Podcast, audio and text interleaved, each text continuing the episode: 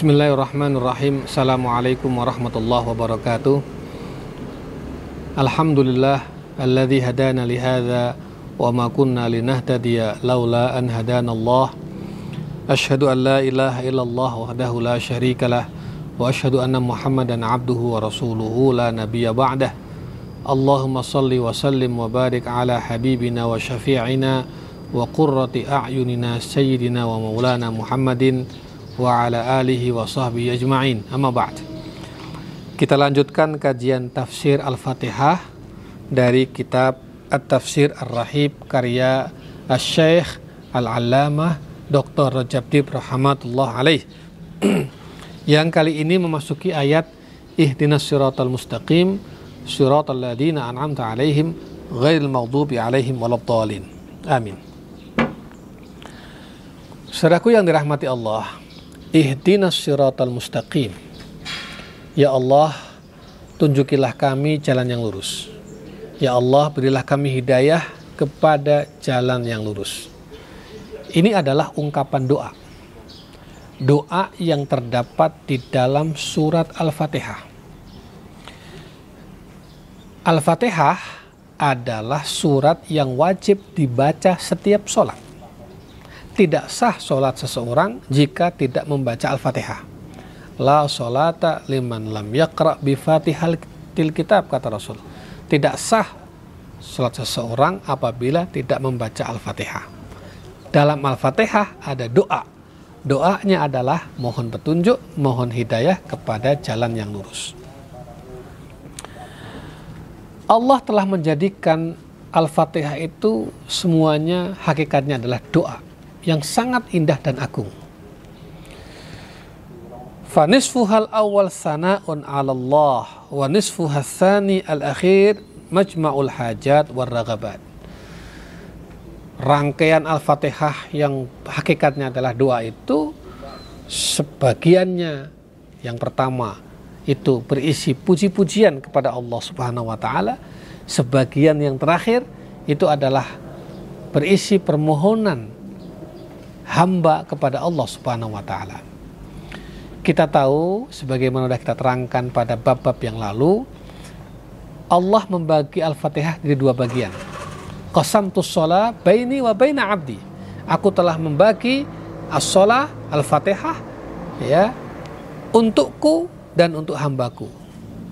Separuh untukku, separuh untuk hambaku. Wali abdi masal dan untuk hambaku apa yang dia minta. Apa yang dia minta? Apa yang diminta oleh hambanya kepada Allah? Ihtinas syiratal mustaqim. Bismillahirrahmanirrahim. Alhamdulillahirabbil alamin. Arrahmanir rahim. Malik yaumiddin. Iyyaka na'budu. Ini bagiannya Allah. Orang kalau mau berdoa memuji Allah dulu. Wa iyyaka nasta'in. Dan hanya kepadamu kami mohon pertolongan. Apa mohon pertolongannya? Ihdinas siratal mustaqim. Yaitu memohon hidayah petunjuk ke jalan yang lurus. Wa du'a alladhi fi suratil Fatihah afdal du'ain yad'u bihi da'i. Doa yang ada di dalam surat Al-Fatihah yaitu ihdinas siratal mustaqim adalah doa yang paling utama, yang paling mulia, yang paling agung yang dipanjatkan setiap orang yang berdoa. Inilah doa yang diwajibkan oleh Allah dan Rasulnya. Doa yang tidak diboleh dan tidak boleh ditinggalkan oleh seorang hamba di dalam sholat-sholatnya bahkan di dalam rokaat sholatnya yaitu doa mohon petunjuk dan doa mohon hidayah Allah kepada jalan yang lurus. Saudaraku yang dirahmati Allah ada yang bertanya bagi orang yang sudah mendapat hidayah, misalnya orang yang sudah masuk Islam, orang yang sudah beriman, orang yang sudah baik, ya. apa yang dimaksud dengan ihdinas siratal mustaqim? Nah, ada dua pengertian. Pertama, ihdinas siratal mustaqim, ya Allah tunjukilah kami jalan yang lurus, ya Allah berilah kami hidayah kepada jalan yang lurus maksudnya adalah bagi orang yang belum mendapat hidayah bagi orang yang belum masuk Islam bagi orang yang masih berbuat maksiat Maka hidayah di sini adalah memohon petunjuk. Bagi yang masih kafir, mohon hidayah artinya mohon ditunjukkan kepada Islam. Bagi yang masih maksiat, mohon hidayah artinya adalah mohon agar ditunjukkan jalan bertobat. Itu yang pertama. Bagi yang sudah muslim, mukmin, muhsin, ya, muttaqin, orang yang sudah Islam, sudah beriman, sudah berbuat baik, sudah bertakwa, maka ihdinas syiratal mustaqim tetap harus dibaca, tetap harus dipanjatkan kepada Allah karena itu artinya tolabus sabat wal istiqamah wal istidamah. Mohon ketetapan hati, mohon istiqomah, mohon kesinambungan ketetapan hati dalam iman, dalam takwa, dalam berbuat baik, dan istiqomah dan berkesinambungan terus-menerus. Allah Subhanahu wa taala mengingatkan kita dalam surat Ali Imran ayat 8. Rabbana la tuzigh qulubana ba'da idh hadaitana. Ya Allah, jangan kau bengkokkan kembali, jangan kau simpangkan kembali hati kami setelah kau beri kami petunjuk. Jangan kau sesatkan kembali kami setelah kau beri petunjuk. Jangan kau tutup kembali hati kami setelah kau buka dengan cahaya iman. Itu maksudnya Rabbana la tuzigh ba'da idh hadaitana.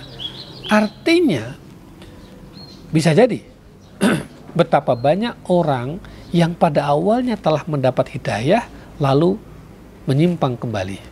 Betapa banyak orang yang pada awalnya sudah mendapat hidayah berbuat baik lalu kembali jahat. Betapa banyak orang yang di awalnya sudah lurus lalu bengkok. Itulah kenapa ihdinas siratal mustaqim tetap harus dibaca. Siapa pun, sealim apa pun, sesoleh apa pun orang itu tetap harus dibaca supaya dia tetap di dalam kesalehannya, keimanannya, ketakwaannya, dan istiqomah menjalaninya. Saudaraku yang dirahmati Allah, Rasulullah Shallallahu Alaihi Wasallam sendiri tak kurang dari beliau berdoa kepada Allah, memanjatkan kepada Allah. Doa yang kita kenal apa itu? Ya muqallibal qulub, sabit qalbi ala dinik. Itu doanya Rasul Shallallahu Alaihi Wasallam sebagaimana diriwayatkan oleh Imam Ahmad.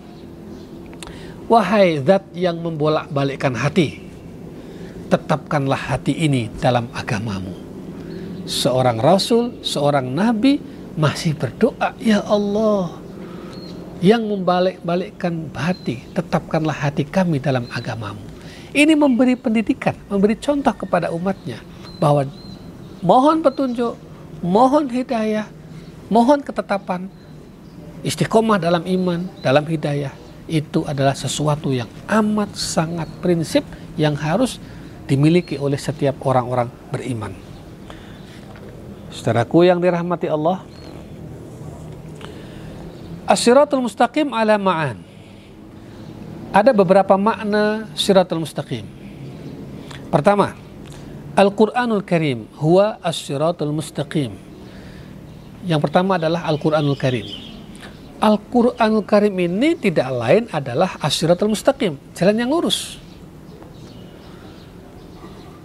Di dalamnya ada perintah dan larangan Allah ada ketentuan-ketentuan Allah. Ada prinsip-prinsip yang Allah gariskan di dalam kehidupan ini. Jadi, mohon petunjuk kepada jalan yang lurus, yaitu Al-Quran. Ini makna pertama. Inna hadal Qur'an yahdi lillati hiya aqwam wa yubashshirul mu'minin alladhina ya'maluna as-salihat anna lahum ajran kabira. Sesungguhnya Al-Quran ini memberi petunjuk kepada jalan yang lurus. Lilatihi akwam. Dan memberi kabar gembira orang-orang mukmin yang berbuat amal soleh bahwa mereka akan mendapatkan pahala yang besar. Artinya Al-Quran adalah jalan yang lurus. Rasulullah menegaskan Al-Quran huwa nurul mubin wa zikrul hakim wa siratul mustaqim Al-Quran adalah cahaya, cahaya yang terang benderang dari Allah dan jalan yang lurus. Ditegaskan sendiri oleh Rasulullah bahwa Al-Quran adalah asyiratul mustaqim. Makna yang kedua, As-siratul mustaqim huwal Islam. Berdasarkan ayat tadi, Ibnu Abbas menyimpulkan bahwa siratul mustaqim, jalan yang lurus tidak lain adalah Islam. Karena apa? Karena orang yang memeluk agama selain Islam tidak diterima keberagamaannya itu. Saudaraku yang dirahmati Allah. Walladhi nafsu Muhammadin biyadihi kata Rasul. Dan demi zat yang jiwa Muhammad ada dalam genggamannya la yasma'u bi ahadun min hadhil ummati Yahudiyun wala Nasraniyun ya. Tidak ada dari umat ini baik orang Yahudi maupun Nasrani yang mendengar tentang berita kedatanganku summa yamutu walam yu'min bima ursiltu bihi kemudian dia tidak mengimaninya mengimani apa yang aku diturunkan dengannya hingga matinya illa kana min ashabinar kecuali mereka adalah penghuni neraka. Artinya orang yang tidak beriman kepada Islam karena Rasulullah datang membawa Islam. Orang yang tidak beriman kepada Islam mati maka dia termasuk penghuni neraka. Mengapa? Karena al-Islam adalah jalan yang lurus. Makna yang ketiga adalah as-sunnah an-nabawiyah al-musyarrafah. Jalan yang lurus itu artinya adalah as-sunnah. Tadi pertama Al-Quran, kedua Al-Islam, ketiga adalah as-sunnah. Faman raghiba an sunnati falaysa mini. Barang siapa yang tidak suka dengan sunnah-sunnahku, kata Rasul, maka dia bukan termasuk golonganku. Bayangkan, Rasul mengatakan bukan termasuk golonganku. Lalu golongan siapa? Padahal golongan yang selamat golongan yang lurus adalah golongan Rasul. Nah kalau Rasul mengatakan bukan golonganku, lalu golongan siapa? Itu artinya sunnah-sunnah Rasul termasuk siratul mustaqim. Yang keempat adalah al-akhlakul karimah. Akhlak yang baik. Ya. Abu Hurairah radhiyallahu anhu pernah meriwayatkan, "Ja'a rajulun ila Rasulillah." Seorang laki-laki datang kepada Rasulullah dan bertanya, faqala, "Ya Rasulullah, Wahai Rasulullah, dullani ala amalin idza ana amiltu bihi takhaltul jannah. Tunjukkan kepadaku sebuah amalan yang mana kalau aku mengamalkannya aku akan masuk surga. Kata laki-laki tadi. Qala Rasul menjawab, "Kun muhsinan, jadilah orang yang baik." Qala, tanya lagi orang itu, "Kaifa a'lamu anni muhsin?" Bagaimana tahu kalau aku itu orang baik? Qala Rasul menjawab lagi, sal jironaka fa in qalu innaka muhsin fa anta muhsin wa in qalu innaka musi fa anta musi. Tanyakan kepada keluargamu, kepada handetolanmu, kepada kerabatmu. Kalau mereka mengatakan tetangga-tetanggamu itu, kerabatmu itu, handetolanmu itu, mereka mengatakan kamu orang baik, maka kamu orang baik. Tapi kalau mereka mengatakan, mereka sepakat mengatakan kamu orang gak baik, kamu orang jahat, berarti kamu termasuk orang yang jahat. Apa artinya? Akhlak. Jadi parameter akhlak ditentukan dari hubungan kita kepada orang lain. Itulah jalan yang lurus. Itu yang disebut dengan siratal mustaqim. Jadi empat pengertian.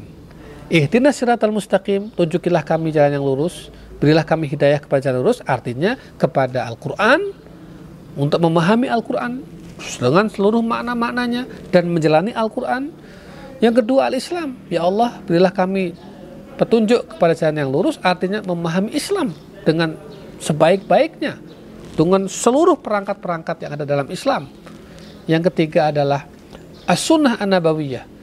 Ya Allah, berilah kami jalan yang lurus artinya memahami sunnah-sunnah Rasul dan bisa menjalankan sunnah-sunnah Rasul. Dan yang keempat, al-akhlakul karimah.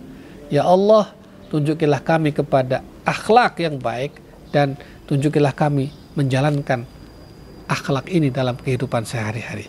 Itulah yang dimaksud dengan al-akhlakul karimah. Saudaraku yang dirahmati Allah, anwa'ul hidayah, ada beberapa petunjuk, ada beberapa uh, macam petunjuk itu. Pertama, hidayatul awam, hidayahnya orang-orang awam, hidayahnya semua. Hidayatul khawas dan hidayatul khawasil khawas awam, khusus dan lebih khusus lagi. Hidayatul awam itu amah lil insan wal hayawan, berlaku umum kepada siapa saja. Yaitu yang penting Allah memberi petunjuk kepada semuanya dalam bentuk orang itu atau bahkan binatang diberi petunjuk oleh Allah, hidayah oleh Allah, dia meng, bisa menghindari bahaya dan bisa mengambil manfaat.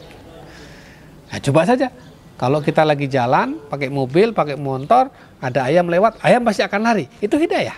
Dia menghindarkan diri dari bahaya. Itu model pertama atau macam yang pertama. Yang kedua adalah hidayahnya orang-orang khawas, yaitu para ulama, orang-orang bertakwa dan orang-orang yang khusyuk, orang-orang yang bertobat kepada Allah Subhanahu wa taala. Hidayahnya bukan sekedar menghindarkan diri dari bahaya, mengambil manfaat. Lebih dari itu, hidayahnya adalah mengingat Allah selalu di dalam keseluruhan hidupnya. Mengingat Allah, mengingat Allah. Ya, bukan sekedar dia menghindarkan diri manfaat, uh, eh, menghindarkan bahaya atau mengambil manfaat, tetapi hidayahnya adalah taat kepada Allah dengan segala perintah-perintahnya dan segala larangannya dan mengingat Allah selalu. Yang ketiga, hidayat khasil khawas. Yaitu hidayahnya orang-orang seperti para nabi, para rasul, para aulia, para orang-orang soleh, siddiqun, dan seterusnya. Bagaimana hidayahnya mereka? Hidayahnya mereka adalah mereka meninggalkan semua hal ya, yang dapat mengganggu dari khusyuk kepada Allah Subhanahu wa taala. Jadi semua kegiatannya, semua amaliyahnya, semua perbuatannya, hidupnya, matinya, tidurnya, makannya, pekerjaannya, semua tidak lain mardotillah. Itulah orang-orang mukhlis, orang-orang yang ikhlas. Itu Allah memberi petunjuk melalui itu. Ada lagi Allah memberi petunjuk hanya sekedar bisa menghindarkan diri dari madarat dan bisa mengambil manfaat. Di atasnya lagi Allah memberi petunjuk dia bisa mengerjakan ibadah, bisa memenuhi perintah Allah dan menjadi larangannya, ya, bisa berzikir kepada Allah.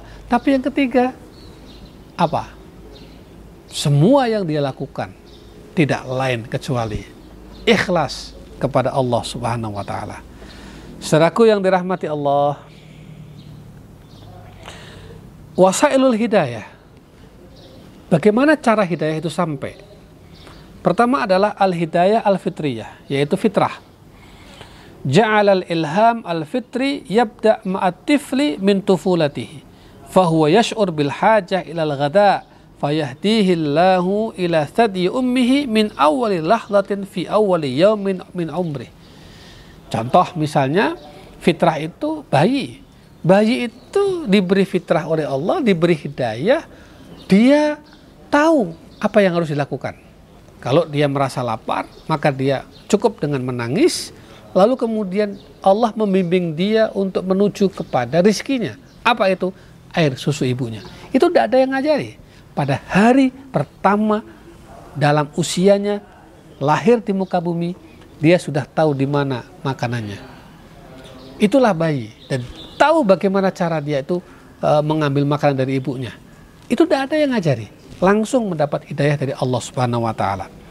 Yang kedua, hidayatul hawas wal masyair min sam'in wa basarin wa syammin wa dauqin. Hidayah yang didapatkan melalui uh, panca indera. Telinga, mata, ya, indera penglihatan, indera pendengaran, indera perasaan, indera pengecap, indera penciuman. Itu semua adalah media sarana untuk kita menuju kepada hidayah Allah Subhanahu wa taala. Maka jangan-jangan kita mendapat hidayah melalui pandangan, melihat sesuatu lalu petunjuk datang, atau mendengar sesuatu petunjuk datang. Ya, atau mencium sesuatu petunjuk datang, atau merasakan sesuatu petunjuk datang, hidayah datang. Itu bisa jadi menjadi cara untuk masuknya hidayah Allah Subhanahu wa taala. Yang ketiga, hidayatul akli biquwahul mukhtalifah min idrakin wa fikrin wa khayalin wa hif yaitu hidayah yang masuknya lewat sarana akal jadi Allah memberi petunjuk kepada kita, hidayah kepada kita melalui proses berpikir, menalar, merenung, mentadaburi, bahkan mungkin melalui observasi-observasi dan riset-riset ilmiah. Baru petunjuk Allah datang. Hidayah Allah datang. Jadi, ketika kita mohon petunjuk kepada Allah, ihdinas siratal mustaqim, mohon petunjuk kepada jalan yang lurus.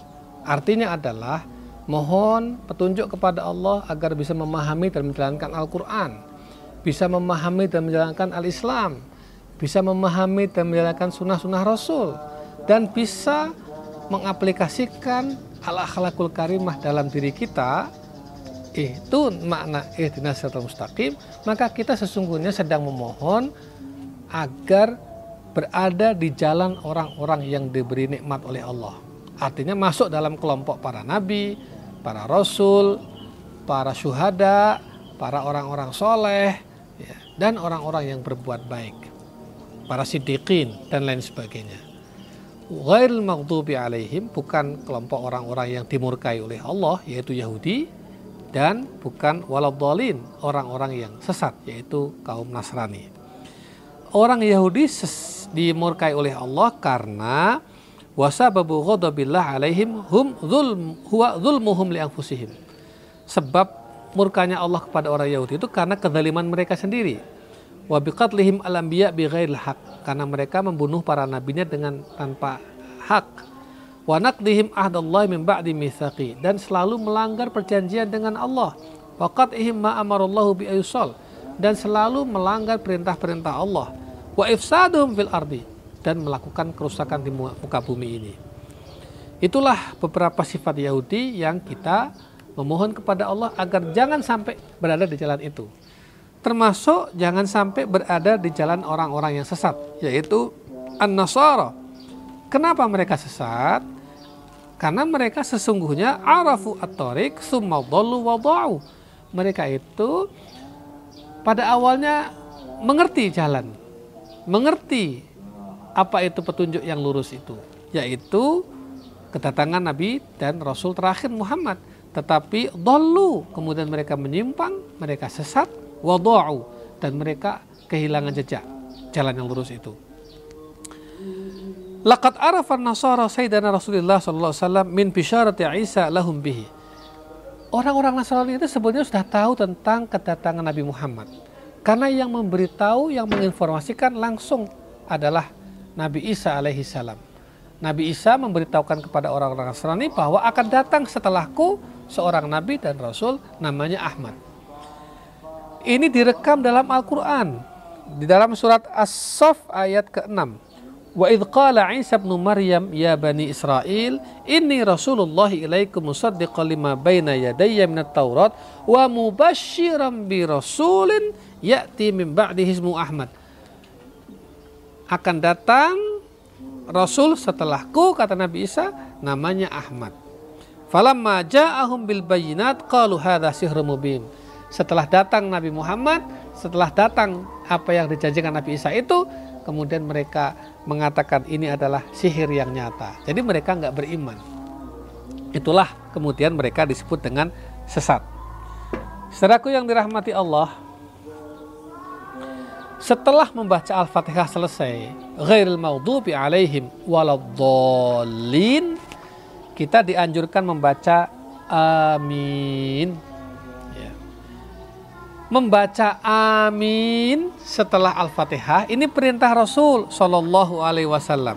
Dalam sebuah hadis disebutkan, "Idza qala al-imam ghairil maghdubi alaihim waladdallin" apabila imam membaca ghairil maghdubi alaihim waladdallin faqulu maka katakanlah ucapkanlah amin fa innal malaikata taqulu amin karena sesungguhnya para malaikat itu juga mengucapkan amin jadi ketika ada imam sholat membaca ghairil maghdubi alaihim waladdallin malaikat-malaikat yang ada di sekitar situ mengucapkan amin Wa innal imama yaqulu amin. Demikian juga imamnya dianjurkan mengucapkan amin pula. Faman wafaqa ta'minuhu ta'minal malaika dan barang siapa yang aminnya membersamai aminnya para malaikat ghufira lahu ma taqaddama. Dosanya akan diampuni, dosa-dosa yang telah lalu. Bayangkan, membaca amin saja maka dosanya akan diampuni, dosa-dosa yang telah lalu. Jadi ini petunjuk bagi para imam dan makmum ya setelah membaca ghairil maghdubi alaihim waladdallin amin imam membaca itu makmum juga kalau bisa sesuai bersamaan dengan bacaan imam karena itu bersamaan dengan bacaan para malaikat semuanya dan mudah-mudahan dengan itu Allah mengampuni dosa-dosa kita semuanya. Wa fil khabari dalam hadis yang lain lakani lakanani Jibril amin inda faraghif min Fatihatil Kitab. Jibril telah menuntunku membaca amin setelah aku selesai membaca Al-Fatihah kata Rasul. Wa qala innahu kal khatam alal kitab. Itu seperti penutup dari sebuah ayat, sebuah Alkitab, sebuah Quran atau seperti stempel. Jadi amin itu penutup atau stempel dari sebuah surat Al-Fatihah ini. Salatil jahriyah lil imami wal ma'mum disunahkan untuk membaca amin secara bersuara, secara keras dalam sholat-sholat yang bersuara baik untuk imam ataupun makmum. Subuh, maghrib, isya, termasuk sholat Jumat, sholat Taraweh, sholat Aidain, semua sholat-sholat yang menggunakan suara maka disunahkan untuk membaca amin juga dengan bersuara. Karena Rasulullah Shallallahu Wasallam Rasulullah itu idza faragha min qiraati ummil Quran apabila telah selesai dari membaca ummil Quran Al-Fatihah rafa'a sautahu qala amin maka Rasulullah mengangkat suaranya dan mengucapkan amin Inilah Bapak Ibu sekalian saudaraku yang dirahmati Allah tafsir surat Al-Fatihah dan demikian telah khatam kita uh, mengkaji tafsir Al-Fatihah dari At-Tafsir Ar-Rahib karya Syekh Rajab Tib. Mudah-mudahan memberikan manfaat untuk kita semua. Kita semakin faham terhadap apa itu makna Al-Fatihah dalam perspektif yang ditulis oleh Syekh Rajab Tib dalam kitabnya At-Tafsir Ar-Rahib.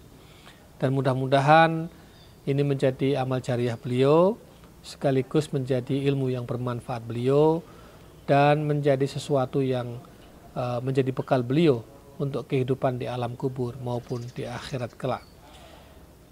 Mari kita bacakan Al-Fatihah untuk beliau. Mudah-mudahan Allah Subhanahu wa taala memberikan rahmatnya untuk beliau di alam kubur sana dan juga mudah-mudahan Allah memberi tempat untuk beliau di tempat di sisi beliau di sisi Allah Subhanahu wa taala dan menempatkannya bersama para nabi dan rasul dan orang-orang soleh semuanya. Al-Fatihah. A'udzubillahi minasyaitonir Bismillahirrahmanirrahim.